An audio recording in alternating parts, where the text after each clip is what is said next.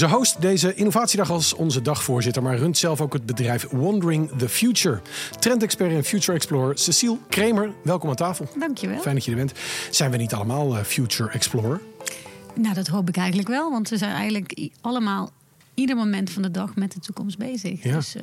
Wat maakt jou nou zo bijzonder dan als future? Want jij hebt er een bedrijf mee opgericht. Ja, ik heb het ook gestudeerd. Ja, precies. Ja. Ik zag het inderdaad. maar wat maakt jou zo bijzonder? Wat, wat maakt een Future Explorer nou beter dan iemand anders die gewoon nieuwsgierig is? Um, nou, misschien is de naam dan dus ook niet helemaal goed. Uh, maar ik uh, doe op, op academisch uh, niveau onderzoek naar de toekomst. Want mensen denken heel vaak dat het een concept is wat niet tastbaar is. Hè? Ja. Um, dat het iets is wat op ons afkomt en dat we daar dus ook geen verantwoordelijkheid over hoeven te nemen. Maar dat is echt het tegenovergestelde is waar. Ja. wij kunnen best wel goed bepaalde onderdelen van de toekomst. Um, ja, ik wil niet zeggen verklaren, maar in ieder geval um, analyseren. En dus daar een bepaalde conclusie over trekken. Maar sterker nog, op het moment dat we nu zien, uh, we gaan naar deze probable future, zoals wij dat in ons vakgebied noemen, um, dan kunnen we ook. Uh, concluderen, nou dat is niet de toekomst die wij willen. We willen de preferable future zoals we die willen en zien. En wat moeten we vandaag de dag dan doen om daar uit te komen op in die toekomst die uh, wij heel graag met z'n allen zouden willen zien. En hoe doe je dat? Onderzoek in de toekomst? Want je hebt natuurlijk geen data uit de toekomst. Moet je dan altijd extrapoleren van wat er nu aan beweging is en, en, en kijken waar dat naartoe gaat en daar een aanname op doen? Of, of hoe doe je dat? Ja en nee. Nou, een deel is backcasting. Dus inderdaad, wat ik zei, als je ervan uitgaat dat de toekomst gewoon op ons afkomt, dan heb je daar volledig gelijk in dat wij uh, voorspellingen doen. -hmm. Maar uh, de toekomst komt niet zomaar op ons af. Hè. Dus wij zijn een heel groot deel van hoe die gaat vormgeven. Dus we kunnen op een bepaalde manier backcasten. Ja. Maar eigenlijk het mooie aan de toekomst is dat die er niet is zonder geschiedenis. Dus wat we eigenlijk zien, en dus misschien haalt dat meteen de magie van het vakgebied af.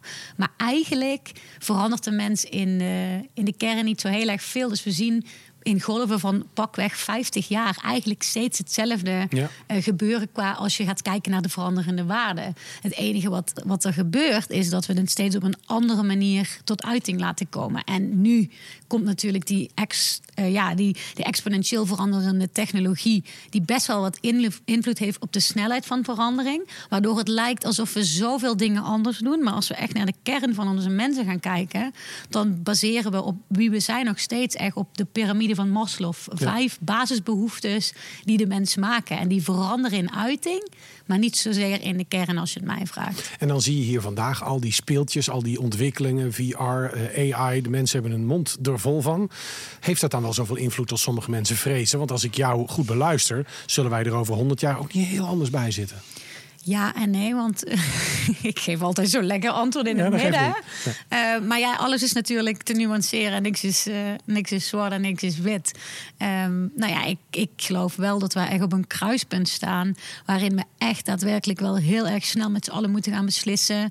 En besluiten dus ook hoe ver we eh, technologie uh, de controle over ons mens zijn willen laten hebben. Want mensen... Um, die denken nu misschien nog dat het best wel ver weg is. Maar zelfs de, de grondleggers van AI zeggen: Nou, oeps, wat we nu uh, aan het doen zijn, dat kan zo toch maar wel eens echt een bedreiging voor onze mensheid zijn. Ja, dat was drie weken geleden onderzoek in de Defensie dat er een drone had zijn eigen bestuurder neergeschoten. Althans virtueel, maar bij een test. Omdat hij dacht dat is de zwakke schakel in deze aanvalstrategie. Dus die ging met AI denken en die ging zijn eigenaar doodschieten. Dus dat zou wel een interessante blik op de future kunnen zijn. Hey, nou heb jij ook, ook een, een, een degree gehaald in trendwatching. Hoe leer je trends te watchen? Kunnen we ook een soort mini-cursus voor de kijkers en de luisteraars? Hoe leer je trends watchen? Ja, nou een kleine nuancering, want ik ben geen trendwatcher, ik ben een trend researcher. Oh, Daar zit wel een dat- kleine verschil Dat in. klinkt want- wel educator. Ja, want eh, watching, dat is leuk. Dus met z'n allen kijken naar... eh, dat is Angela de Jong die tv kijkt. eh, Ja.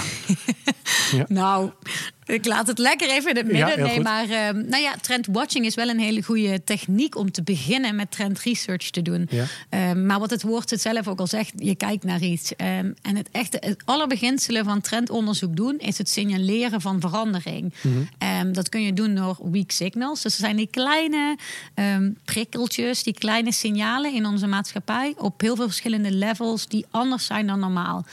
Um, nou, we hebben heel mooi de innovatie adaptatiecurve van Rogers. Daar hebben we in verschillende groepen uh, mensen in de samenleving die een bepaalde adaptatie ten aanzien van nieuwe innovaties hebben. En helemaal in het begin zitten de innovators. Dus die belcurve is dat, hè? Ja, Met die, uh, ja, precies. Early adopters. Ja. En als jij uh, wil ja, um, dat is een hele goede om te kijken waar moet ik nou gaan kijken. Dus bijvoorbeeld inderdaad bij die tech entrepreneurs, bij uh, designers, bij uh, artiesten. Dus dat is dat hele kleine groepje.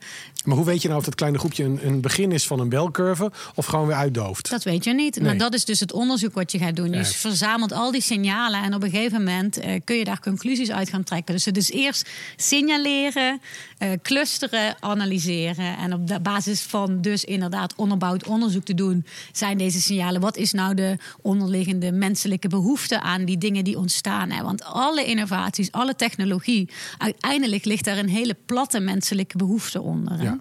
Ja, helder. Hey, nou ben je ook dagvoorzitter vandaag. Je bent een beetje de gastvrouw van deze innovatiedag. Hoe is de sfeer tot nu toe? Wat viel je op vandaag? Ja, nou, daar had ik het toevallig net nog over. Maar ik vind echt ontzettend een fijne sfeer. Super ja. uh, energie. Iedereen doet mee. Je merkt dat de mensen die hier zijn ook hier echt willen zijn en niet hier moeten zijn. Nee, dat klopt. is altijd ja. een hele mooie, um, ja, een hele mooie basis. Um, ik heb het idee dat iedereen wil leren, maar vooral ook echt bezig is met connecten. En da daar word ik persoonlijk heel blij van. Want we leven dan in zo'n snelle wereld en technologie, dit en dat. Maar je ziet dan wel uh, dat mensen wel behoefte hebben aan het mens zijn met elkaar. Ja, en met elkaar praten en overleggen. En hoe doe jij dat en hoe voel jij je daarbij? En ja, zo ontstaan ja. mooie dingen. Heerlijk. Nou zijn coaches misschien best wel behoudend als het gaat om techniek en hippe ontwikkelingen. Uh, waar zie jij kansen voor deze doelgroep? Je zit natuurlijk niet per se midden in de coaching, maar je loopt hier rond. Je hebt een hoop gezien en gehoord alweer vandaag. Waar zie je kansen?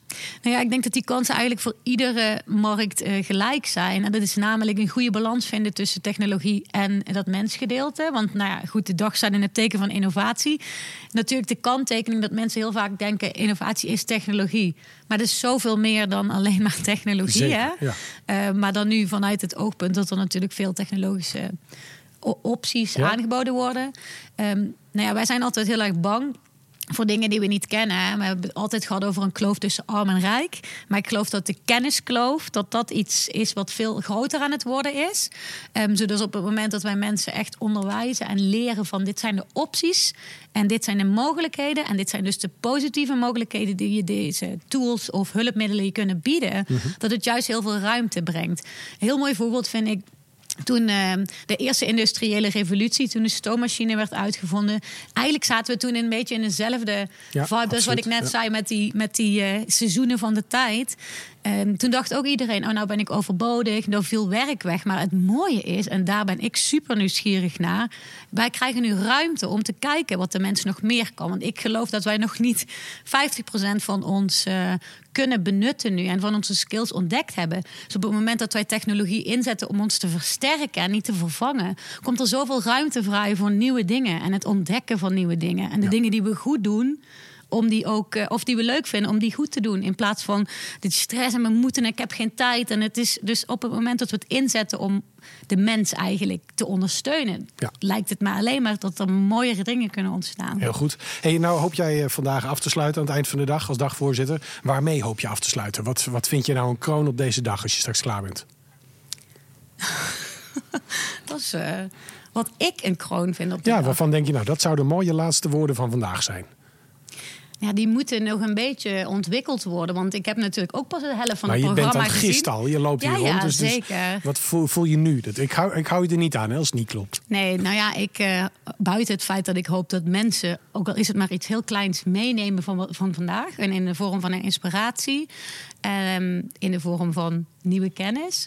Hoop ik dat we met z'n allen... Um, soort van... Uh, uh, pledge kunnen maken dat whatever we doen en uh, zonder angst hebben voor technologie, dat we um, afspreken dat we de mens op de eerste plek zetten. En dat we alles daarbuiten als aanvulling en als hulpmiddel zien, maar zeker in het uh, vak van coaching, waar je mensen zeg maar wil versterken en mensen het gevoel wil geven van hey, jij bent het waard en jij kunt dit goed. En met de uitdagingen, de drempels die je misschien in je leven hebt, dat uh, dat allemaal niet uitmaakt op, op, zolang we menselijk met elkaar blijven omgaan. En dat uh, Dat we dat met z'n allen afspreken. Dat de toekomst human-centric is. Leuk.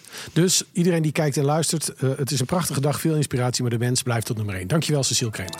Yes.